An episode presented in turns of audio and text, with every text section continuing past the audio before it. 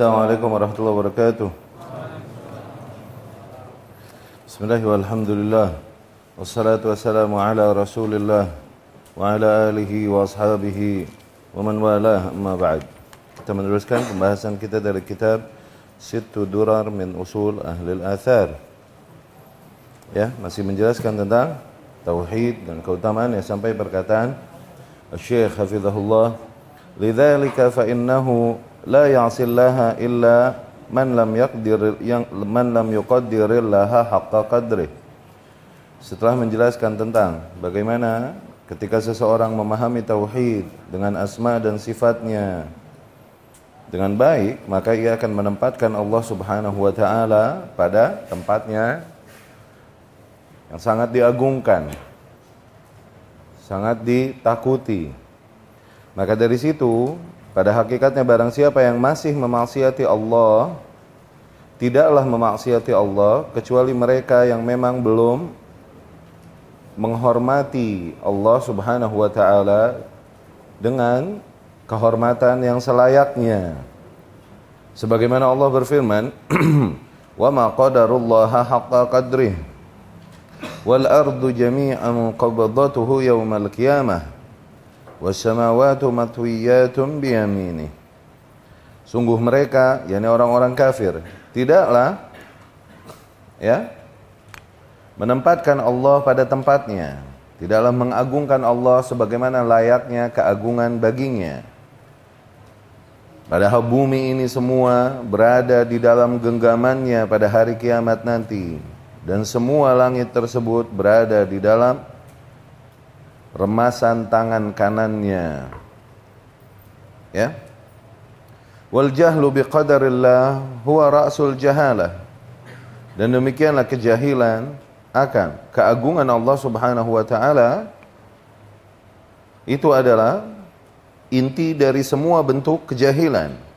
Wa huwa sabab jur'ah al-'abd 'ala maharim rabbih dan itu adalah Sebab ya, kekurang ajaran seorang hamba sehingga ia berani melanggar batasan-batasan Tuhannya. Qala ta'ala, Allah berfirman, "Dzalika wa man yu'azzim hurumatillah fahuwa khairul lahu 'inda rabbih." Dan demikianlah barang siapa yang mengagungkan hurumatillah, batasan-batasan Allah Subhanahu wa taala, maka itu lebih baik baginya di sisi Tuhannya kelak. Dan Allah pun berfirman, "Innama taubatu 'ala Allah lilladzina ya'maluna as-su'a bijahalah." Allah berfirman sesungguhnya taubat hanyalah bagi mereka yang mengamalkan keburukan berangkat dari kejahilan. Kejahilan di sini maknanya bukan berdasarkan ketidaktahuan, bukan. Kejahilan di ayat ini ya. Ya, Sesungguhnya taubat tersebut hanyalah bagi mereka yang mengamalkan maksiat berangkat dari kejahilan. Tuh, kalau seseorang melakukan sebuah pelanggaran maksiat, tapi emang dia jahil, nggak tahu bahwa itu maksiat, maka nggak perlu taubat, dia nggak dosa. Fahami coba ayat ini. Sesungguhnya taubat itu, ya nih, Allah menerima taubat. Oke? Okay? Mereka yang melakukan kejahilan, eh, melakukan maksiat, keburukan, berdasarkan kejahilan. No, fahami hal itu. Ya? Tapi siapa yang bagaimana dengan mereka yang melakukan maksiat tidak berangkat dari kejahilan. Mereka tahu itu maksiat dan mereka melakukannya. Yakni tidak ada taubat bagi mereka. Apakah begini makna ayat tersebut? Begitu. Jadi jahalah di sini bukan artinya tidak tahu, bukan. Nah, sini ada tafsirannya. An Abil Aliyata annahu kan yuhaddits ashab Rasulullah sallallahu alaihi wasallam.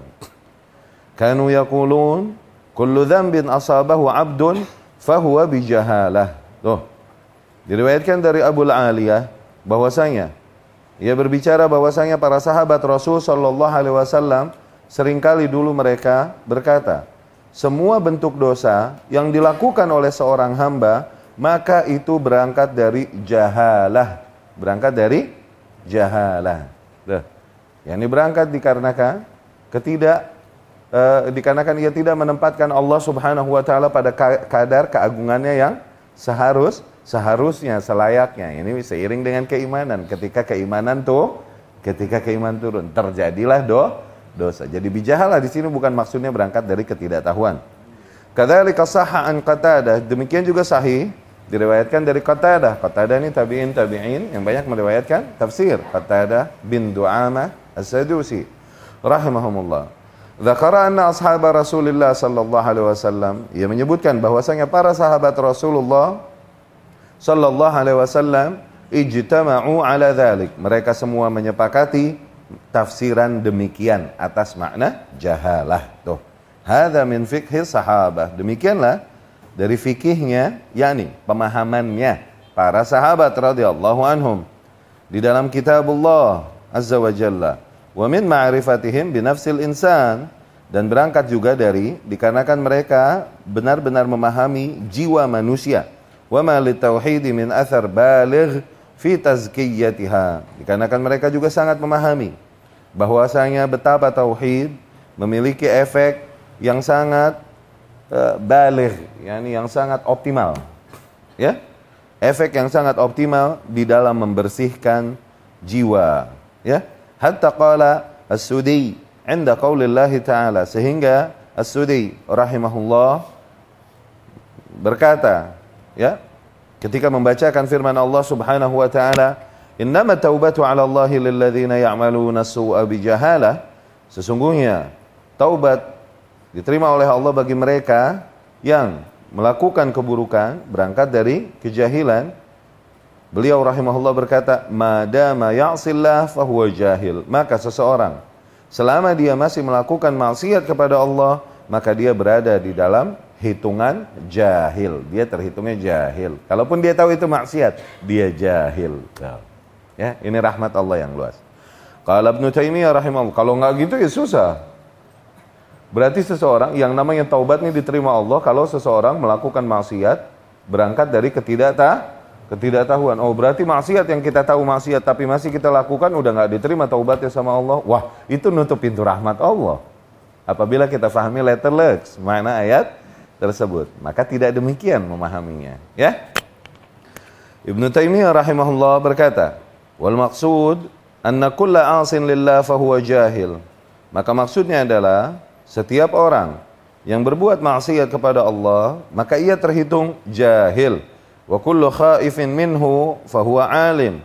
Dan setiap orang yang takut dari Allah Subhanahu wa taala, tuh lihat, dia menyadari, mengagungkan, menempatkan Allah pada tempatnya, menyadari posisi betapa agungnya Allah Subhanahu wa taala dan betapa hinanya dirinya sehingga timbul rasa takut pada dirinya. Wa kullu khaif dan setiap orang yang takut demikian kepada Allah, maka dia adalah seorang alim. Tuh muti' yang mentaati Allah. Wa innama yakunu jahilan linaqsi khaufi. Seseorang dibilang jahil dikarenakan berkurangnya rasa takutnya kepada Allah, ya. Sehingga dia berani melakukan maksiat. Idz lau tamma khaufuhu min Allah lam ya'si dikarenakan apabila kadar rasa takutnya kepada Allah baik, niscaya dia tidak akan melakukan maksiat tersebut. Wa minhu qaul Ibnu Mas'udin radhiyallahu anhu.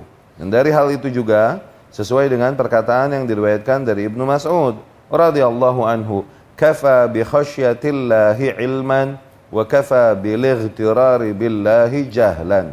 Cukuplah dengan rasa takut kepada Allah sebagai sebuah ilmu dan cukuplah sebagai uh, cukuplah al-ightirar billah keterlenaan seorang hamba ya kelengahan seorang hamba dari Allah Subhanahu wa taala sebagai sebuah bentuk kejahi kejahilan. Cukuplah di sini maknanya apa? Cukuplah menyelamatkan ia insya Allah dari azab Allah rasa takutnya tersebut.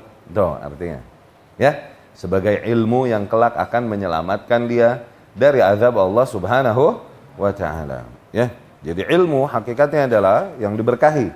Ada ilmu yang mewariskan rasa takut kepada Allah Subhanahu wa taala, ya.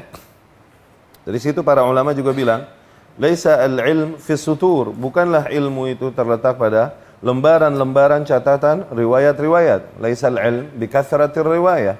Bukanlah ilmu itu hakikatnya pada banyaknya riwayat, koleksi riwayat yang ada pada seseorang, bukan. Walakinnal ilma al-khasyah. Tapi ilmu itu hakikatnya adalah rasa takut kepada Allah. Tuh, sedikit. ilmu tersebut kuantitinya, tapi apabila mewariskan rasa takut kepada Allah, maka itu ilmu yang diberkahi. Lianna tasawwural makhuf yujibu al-harba minhu. Dikarenakan ketika kita dapat membayangkan keagungan, kekuasaan, zat yang kita takuti, maka pastilah efeknya adalah, oke? Okay? Di mana kita kabur darinya, takut darinya. Wa tasawwur al-mahbub yujib talabah. Dan ketika kita dapat membayangkan zat yang sangat kita cintai, maka pastilah akan berefek pada jiwa kita untuk mengejarnya. Fa idza lam yahrab min hadza wa lam yatlub hadza dalla ala annahu lam yatasawwarhu tasawuran tamman. Maka apabila seorang hamba belumlah kabur dari zat yang ia takuti, belum juga ia mengejar zat yang ia cintai, maka itu semua menunjukkan bahwasanya ia masih belum dapat membayangkan hal tersebut dengan baik, menggambarkan hal tersebut dengan gambaran ya baik, ya. Bukan bicara zatnya, awas, nggak boleh menggambarkan zat Allah Subhanahu wa taala. Yani keagungannya, betapa agungnya, mulianya, berkuasanya, besarnya, berapa hakirnya kita, betapa nothingnya kita. Gitu maknanya, ya. Ya kan? Uh, menggambarkan zat yang maha besar, maha berkuasa dan lain-lain itu akan mewariskan khauf pada kita, rasa tak takut, tapi menggambarkan, membayangkan zat yang maha pengasih, maha penyayang dengan sifatnya yang maha pengasih, sifatnya maha penyayang, maha pengampun, maha indah, maha maha maha, ini akan mewariskan roja pada kita dan itu harus seim, seimbang ya, khauf dan roja. Wa kullama kana al-'abdu bi rabbih a'raf kana lahu akhwaf. Pastilah seorang hamba ketika ia lebih memahami, lebih mengenal tentang Tuhannya, pastilah ia akan menjadi lebih takut kepada Tuhannya. Qala Allah Ta'ala, Allah berfirman, Innama yakhshallaha min ibadihil ulama. Sesungguhnya orang-orang yang takut kepada Allah adalah di antara hamba-hambanya yang berilmu. Tuh, jadi ilmu tersebut tidak semua hamba berilmu, okay? kemudian jadi takut kepada Allah, ya kan? Karena Allah bilang min sebagian, tuh min lit tab'id dari maksudnya adalah sebagi sebagian. Di antara para ahli ilmu ada yang di mana ilmunya mewariskan ketakutan kepada Allah Subhanahu wa taala, ada yang di mana ilmunya tidak mewariskan hal tersebut, ya. Wa alamal ulama wa a'lamul ulama Rasulullah sallallahu alaihi wasallam alladhi kan ala wajal min ma'siyati rabbih. Dan manusia yang paling berilmu tentang Allah tentunya adalah Rasulullah sallallahu alaihi wasallam yang senantiasa berada dalam kondisi malu untuk bermaksiat kepada Rabbnya. Wa huwa manhu, padahal ia adalah ia dengan posisinya kemuliaannya keagungannya sallallahu alaihi wasallam. Tetap sangat malu kepada Allah subhanahu wa ta'ala. Lianna Allah amarahu bi an dikarenakan Allah memerintahkan ia agar berkata, Qul inni akhafu in asaitu rabbi azab yaumin azim. Katakanlah wahai Muhammad, sesungguhnya aku takut. Apabila aku berbuat maksiat kepada Rabbku, aku takut dari azab hari yang agung, hari yang ditakutkan nanti. Maknanya gitu. Inda al-muwahidin al-arifin billah wa in daqat yarawnaha kal jibal. Dikarenakan maksiat-maksiat bagi manusia-manusia yang bertauhid, yang benar-benar memahami Allah Subhanahu wa taala, Kalaupun maksiat tersebut remeh, maka niscaya mereka melihatnya seperti jibal, seperti gunung. Lima ya'lamuna min 'azamatil wahidil qahar dikarenakan mereka mengetahui betapa agungnya zat yang maha tunggal lagi maha perkasa tersebut. Fajilus sahaba, maka generasi sahabat lamma kana a'raf jilin bihukukillah, ketika generasi tersebut adalah generasi yang paling memahami hak-hak Allah Subhanahu wa taala kanu akhwafan nas. Maka dapat kita lihat mereka adalah manusia-manusia yang paling takut kepada Allah. Abdullah bin Mas'ud radhiyallahu anhu berkata, "Innakum la ta'maluna a'malan hiya adaku fi a'yunikum min asy-sya'r. In kunna la na'udduha ala ahdi Nabi sallallahu alaihi wasallam min al-mubiqat." Kalian ini bisa jadi melakukan amalan-amalan yang mungkin di mata kalian begitu remeh, bahkan lebih remeh daripada sehelai rambut. Namun kami dulu di zaman Rasul Shallallahu Alaihi Wasallam menghitung amalan tersebut termasuk amalan-amalan yang mencelakakan kami. Ya, Al Bukhari rahimahullah ya'nil muhlikat berkata. Ya. Ini diriwayatkan kalam ini dari Abdullah bin Mas'ud juga dari Anas bin Malik radhiyallahu anhu. Ya, diriwayatkan dari Anas, "Innakum ta'maluna asya' hiya adaku fi ayunikum min asy-sya'r." Kalian ini mungkin bisa jadi melakukan perkara-perkara yang di mata kalian itu lebih remeh daripada sehelai rambut. Wa kunna naraha ala ahdin nabi, nabi sallallahu alaihi wasallam min al-kaba'ir. Padahal dulu kami di era Nabi sallallahu alaihi wasallam melihat perkara-perkara demikian termasuk kabair, dosa-dosa ba, dosa-dosa besar. Wala naqulu hadha min bab qawli ba'dihim hasanat al-abrar sayyiat al-muqarrabin. Tidaklah kita menegaskan hal ini dikarenakan kita setuju perkataan sebagian manusia yang berkata hasanat al-abrar sayyiat al-muqarrabin ya amalan-amalan saleh yang dilakukan oleh orang-orang yang berada di level bir berbuat baik, oke? Okay? Itu hitungannya sayyiat, maksiat-maksiat, oke? Okay? Bagi para muqarrabin, bagi para manusia-manusia yang didekatkan kepada Allah Subhanahu wa taala. Innama huwa dzamb wa in saghura fi aslihi kabura ala murtakibihi hin yastash'ir 'azamat al-jabbar wa huwa yasihi fayataqasar bihi al-haya. Ungkapan demikian ungkapan yang salah dari sebagian sufi sufi ya nggak begitu juga nggak juga kita membenarkan hal tersebut ya Innama huwa Yang benar adalah dosa yang dilakukan oleh manusia. Kalaupun mungkin dosa tersebut adalah dosa kecil. Tapi bagi pelakunya akan terlihat sangat besar ketika ia sangat menyadari keagungan Zat Al-Jabbar. Tuh, ketika ia melakukan maksiat tersebut fayataqasaru bihi al-haya. Akhirnya rasa malu yang ada pada dirinya tersebut menahan dirinya ya dari perbuatan buruk itu. Al-Auza'i rahimahullah berkata, Sami'tu Bilal bin Sa'ad yaqul, aku mendengar Bilal bin Sa'ad berkata, La tanzur ila sigharil khati'ah, walakin inzur ila man asait. Janganlah kau melihat kecilnya dosa, remehnya dosa, tapi lihatlah ya zat yang kau maksiati tersebut. Nah, keagungan zat yang kau maksiati. Maka nggak ada lagi artinya remehnya dosa. Ya, ya? siraman-siraman demikian rohani perlu menyirami kita, ya kan? Untuk semakin uh, memupuk rasa takut kita kepada Allah Subhanahu wa taala. Tuh lihat, tazkiyatun nufus hakikatnya itu jangan lepas dari tauhid. Ini bentuk tazkiyatun nufus. Oke? Okay? Jangan lepas dari nilai tauhidnya ketika penekanan tazkiyatun nufus. Ini gaya tazkiyatun nufus para salafus saleh. Ketika berbicara tazkiyatun nufus, enggak lepas dari berbicara tentang tauhid. Ya? Adapun tazkiyatun nufus, tazkiyatun nufus yang disampaikan dan begitu kering dari penekanan kepada nilai tauhid, akhirnya sering kali menjadi tunggangan para sufiyah yang dengan itu mereka berpatokan kepada perkara-perkara demikian dan berpaling dari nilai-nilai ketegasan tauhid dan akidah. Nah, ini ngaco juga kalau begitu. Lihat, gaya tazkiyatun nufus salaf begini nih. Okay? Ketika berbicara tazkiyatun nufus, selalu dikorelasikan juga dengan posisi tauhid pada diri seorang ham, hamba. Begitu, ya.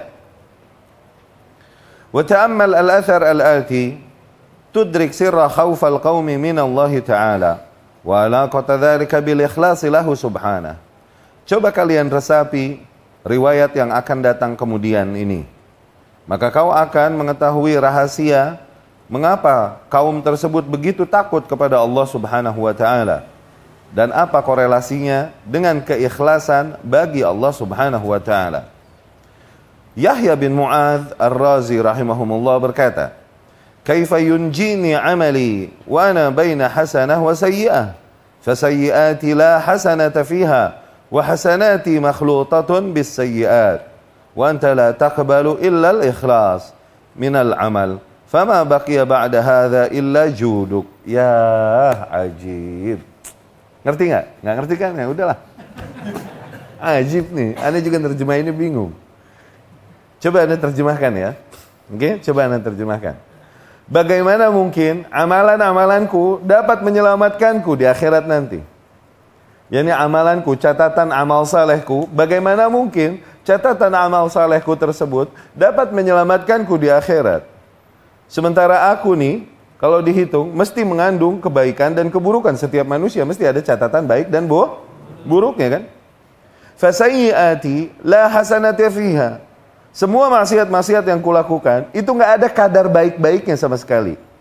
Wahasanati, adapun kadar-kadar-kadar amalan salehku, makhlutatun bisayyiat. Dia sadar, mesti ada campuran error-errornya. Kalaupun itu amal sah, amal saleh. Tuh.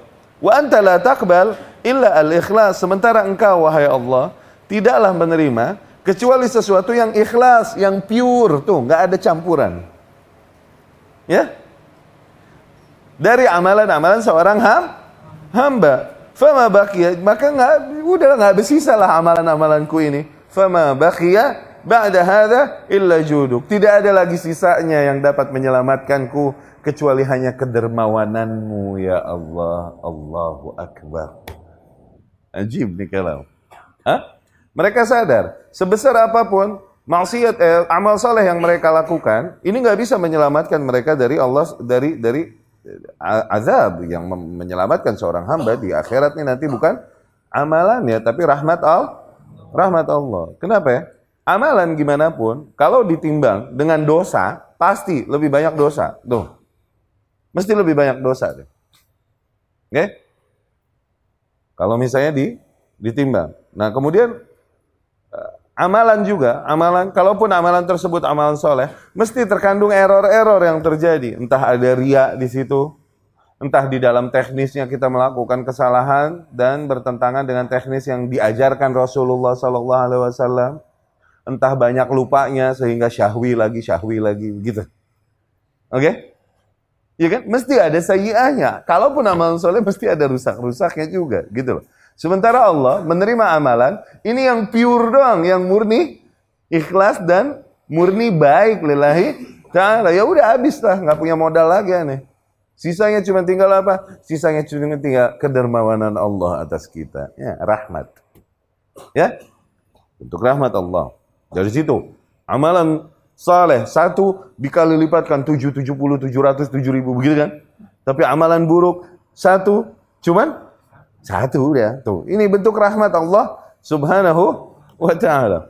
Wa hadzal izra 'ala an-nafs yukhallisul qalba min al-ujub bil amal. Tuh, penghinaan yakni ungkapan yang mencela diri kita, jiwa kita sendiri demikian, ini akan menyelamatkan hati kita dari ujub kepada amalan yang kita lakukan. Tuh, dari ngejudge orang, ih dia mah masih begitu, ya salam. Dia mah masih begitu. Ya ya dia sih puasa Senin Kemisnya nggak ada udah. Kalau nggak Ramadan juga nggak puasa tuh orang. Eh dia iya kan dia sih ada cerita lima bulan nggak tahajud tahajud tuh lihat membanggakan diri dengan amal amal dia sih masih belanja pakai GoPay sama Gojek gitu. Iya kan? Amalan-amalan demikian akhirnya mewariskan ujub di di hati. Ya, kepada hamba-hamba Allah ya. Nah, ungkapan-ungkapan yang sifatnya mencela diri kita sendiri demikian membuat kita sadar dan tahu diri, menyelamatkan hati kita dari dari ujub itu. Li'annahu yunafi al-ikhlas. Dikarenakan ujub itu sangat bertentangan dengan keikhlasan. Min jihah mulahadhatin nafsi wal idlal ala Allah. Dari sisi Oke, okay? mulahadzatun nafs. Mulahadzatun nafs yani mawas diri. Mawas diri wal idlal ala Allah. Ma'anna kulla fadlin asabahu al-mar'u min Allah. Padahal semua keutamaan yakni ibadah dan kebaikan yang bisa dilakukan seorang hamba, toh dia bisa melakukannya itu karena Allah memberi dia taufik. Tuh, bukan karena dia hebat emang, cuman karena emang kebenaran Allah bagi dia taufik berangkat dari fadlullah, keutamaan Allah Subhanahu wa ta'ala. Lalu apa yang mau dibanggakan? Eh? Ini bukan bolehan ente. Ini kebenaran ente bagi, dibagi lebih sama Allah subhanahu. Yang lain gak dibagi. Qadarullah. Lalu apa yang kau mau banggakan? Berbicara tentang amalan, amalan fisik ya. Ya. Allah berfirman, "Wa ma bikum min ni'matin fa min Allah." Dan nikmat apapun yang ada pada kalian itu dari Allah. Ya. Fala haula wala quwata illa billah. Hadza min fadli rabbi. Hmm. وهذا الإزراع ولذلك فإن إبليس إذا أعياه إذا أعياه إرغام أنف العابد في المعصية ورآه منقطعا لعبادة ربه ألقى في نفسه عبارات المدح والتزكية tuh demikian iblis dulu ketika dia beribadah dengan sangat luar biasa kepada Allah Subhanahu wa taala bahkan mengalahkan ibadahnya para malaikat dan juga ketika ia benar-benar anti dari maksiat-maksiat. Tuh, lihat. Iblis dulu adalah aksarul malaikati ilman wa amalan. Makhluk yang hidup di barisan malaikat. Dan yang paling banyak ilmu dan ibadahnya kepada Allah, itu bukan malaikat, iblis. Tuh, dan dia tercipta dari api. Kalah malaikatnya itu loh sama iblis. Ya? Ketika dia melihat dirinya demikian, Alqa fi nafsihi ibaratil madhi wa. Dia memberikan kepada dirinya sendiri ungkapan-ungkapan sanjungan dan ungkapan-ungkapan rekomendasi bagi dirinya. Ya salam. Ghurur, maghrur. Ya. Hatta yuhayyija minhu al-ujub war-riya sehingga membangkitkan pada dirinya rasa ujub dan riya wa talabus sum'ah tuh. Talabus sum'ah apa? Pencitraan. Ya wala yazal yurawiduhu an dhalik tami'an fihi ila akhar ramaqa min hayatih. Ya. Terus saja perasaan demikian mengelabui dirinya. Tuh. Dan kemudian membuat dia akhirnya sampai titik meremehkan makhluk-makhluk Allah yang yang lain. Maknanya demikian. Abdullah bin Ahmad bin Hanbal rahimahumullah berkata Hadartu abi yal wafa Aku hadir Ketika ajal menjelang ayahku, yakni ketika Al-Imam Ahmad bin Hambal syakaratul maut. Aku ada di sampingnya. Fajalastu indah, aku pun duduk di sampingnya. Wa biyadi al-khirqah wa huwa fi naza' li ashudda li ashudda. Aku duduk di sampingnya dan aku waktu itu memegang khirqah, yakni uh, robekan kain untuk mengelap keringat, ya. Dan pada saat itu Imam Ahmad berada dalam kondisi nazak, kesakitan yang luar biasa ketika dicabut nyawa. Nazak itu artinya itu. Aku memegang kain untuk mengusap apa namanya janggut dan keningnya. Okay? Fakana yaghrik hatta tadhun hatta nadhunna anna qad mada thumma yufik. Sehingga sering kali Imam Ahmad rahimahullah sampai akhirnya titik pingsan, nggak sadar sama sekali sehingga kita semua mengira bahwasanya ia telah habis, yakni telah wa, wafat. Tapi nggak lama ternyata bangun lagi Imam Ahmad. Tuh sampai begitu radhiyallahu apa rahimahu rahimahullah.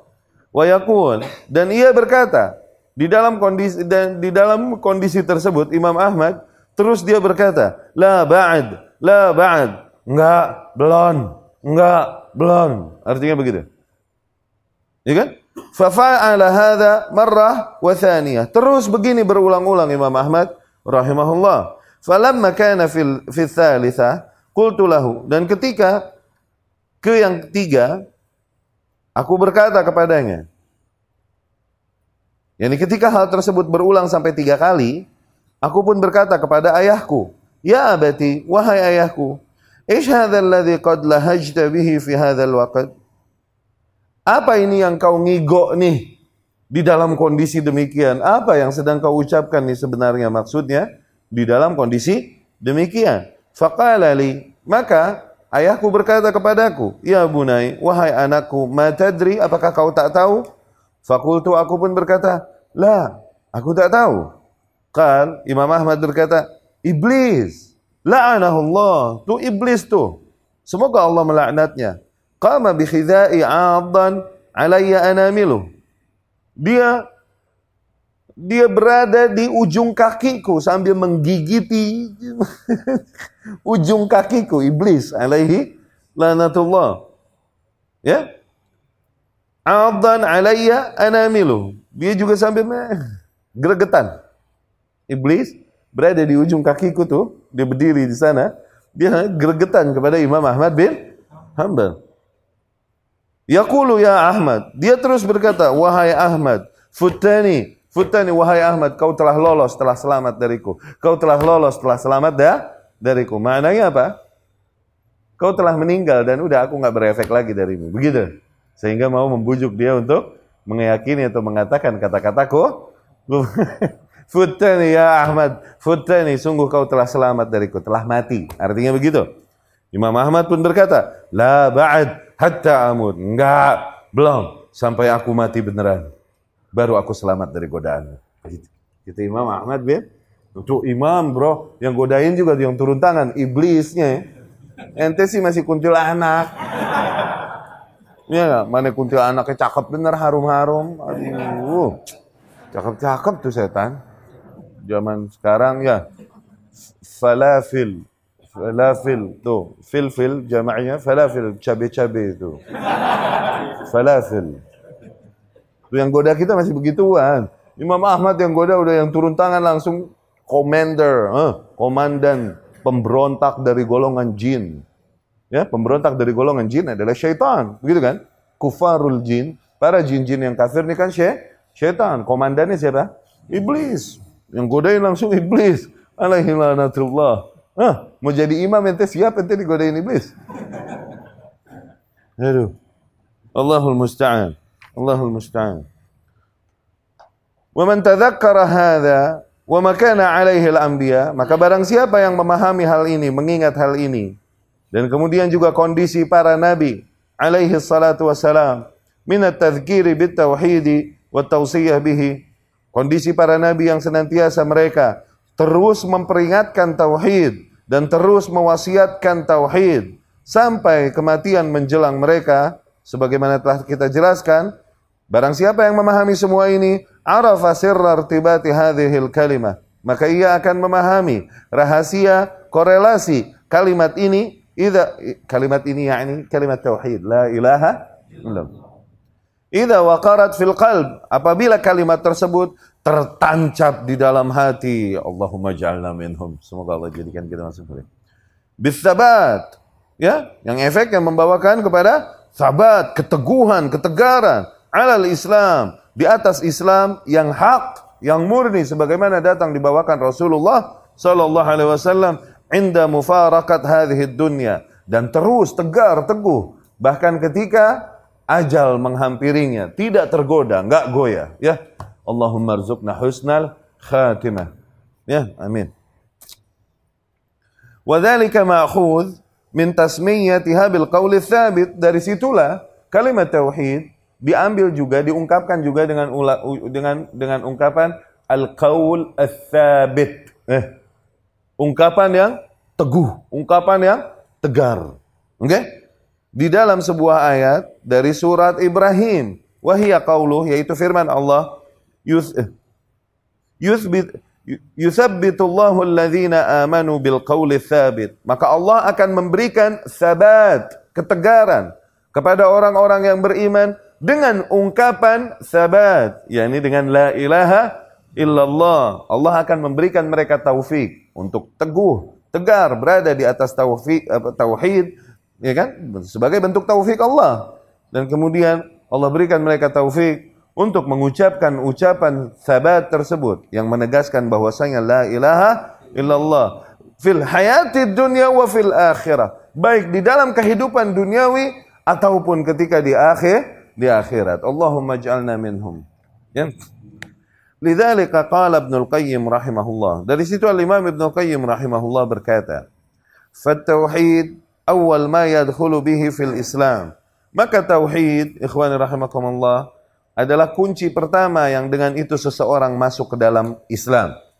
Wa akhiruha ma yakhruju bihi minad dunya wa akhiru ma yakhruju bihi yukhraju bihi minad dunya. Dan kalimat tauhid adalah kalimat yang terakhir yang dengan itu seseorang keluar dari alam dunia ini. Ya, Kama qala Nabi sallallahu alaihi wasallam sebagaimana Nabi sallallahu alaihi wasallam berkata, man kana akhiru kalamihi la ilaha illallah dakhala al-jannah. Barang siapa yang akhir perkataannya la ilaha illallah maka niscaya ia masuk syurga. Fahuwa awal wajib wa akhir wajib. Maka tauhid adalah awal kewajiban dan akhir kewajiban. Fatauhid awalul amri wa akhiruh. Maka tauhid ini adalah perkara yang paling pertama dan juga perkara yang paling akhir. Ya? Sebagaimana kisah Abu Zur'ah Ar-Razi rahimahullah ketika menjelang wafatnya, ya. Walidzalika jarat adatullah fi ibadihi anna man 'asha 'ala tauhidil khalis lam yudannishu syubuhat ahli at-ta'wil wa at-ta'til wa at-tamthil tawaffahu Allah 'alayhi la siyama man kana minhum da'iyah ilaihi dhabban anhu. Tuh. Maka dari situlah Demikianlah adat Allah berjalan pada hamba-hambanya, yakni sunnatullah, kebiasaan Allah Subhanahu wa taala di dalam mentakdirkan para hamba-hambanya, oke? Okay? Bahwasanya barang siapa yang hidup di atas tauhid yang murni dan tidak terkena polusi-polusi dan syubhat-syubhat takwil, ta'til, tamthil, maka Allah pun Subhanahu wa taala akan mewafatkan dia di atas tauhid tersebut. Allahumma ja'alna minhum. Hah, syuf. Ente goyang tauhid ente di masa hidup ente, wallahu alam matinya di atas apa kita nanti. Itu maknanya. Kita sabat di atas tauhid, wallahu alam nanti dikasih taufik di akhir hayat kita. Ya, tapi kebiasaan Allah sunnatullah memang pada para hambanya. Barang siapa yang memang menjalani hidupnya berada di atas tauhid yang murni, bersih dari syubhat-syubhat dan penyimpangan-penyimpangan tauhid, kesyirikan atau penyimpangan pada asma wa sifat takwil, tamthil, ta'til, itu maka niscaya Allah akan memberikan mereka taufik untuk mati di atas tauhid juga. Allahumma ja'alna minhum. Ya?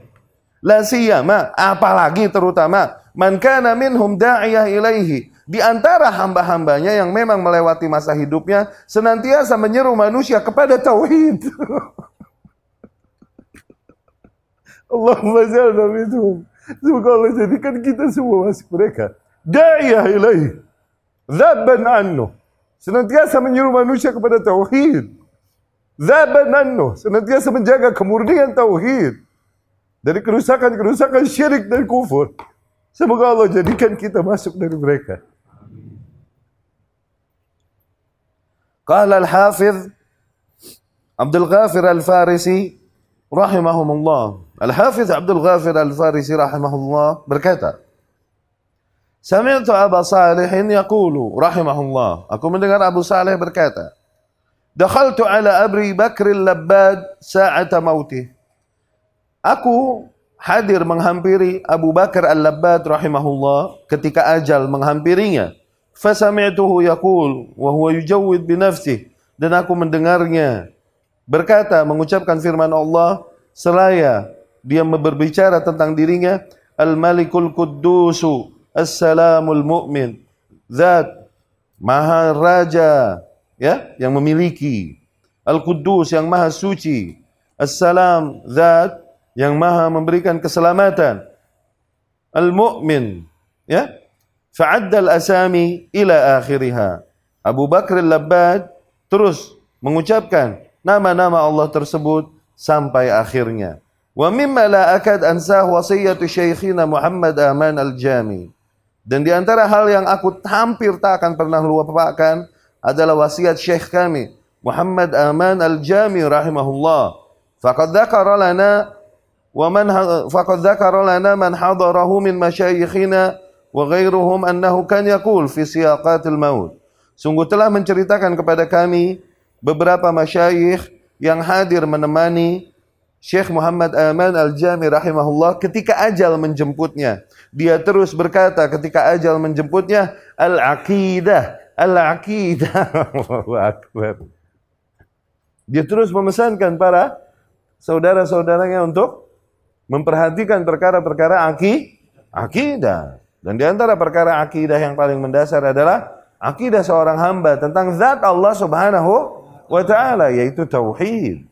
Al-aqidah, al-aqidah. Usikum bidzalik. Aku wasiati kalian dengan hal itu. Lihat. Ya. Wa ni'mal maitatu hadhi.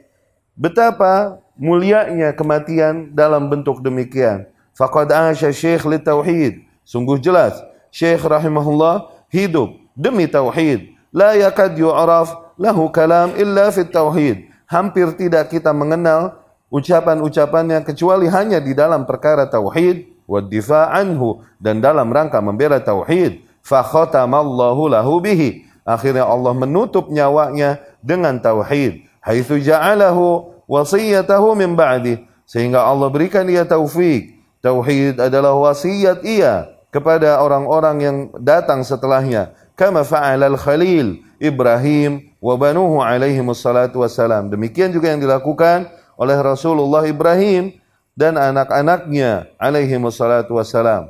Wa wassa biha Ibrahim banihi wa Yaqub. Demikianlah diwasiatkan oleh Ibrahim kepada anak-anaknya. Demikian juga diwasiatkan oleh Yaqub kepada anak-anaknya. Ya bunayya inna Allah astafa lakumuddin fala tamutunna illa wa antum muslimun. Wahai anak-anakku, sesungguhnya Allah telah memilihkan agama bagi kalian, maka janganlah kalian mati kecuali kalian berada di atas keislaman. Noh. Am kuntum syuhada idh hadara Yaqub al-mautu. Apakah kalian menyaksikan ketika kematian menghampiri Yakub?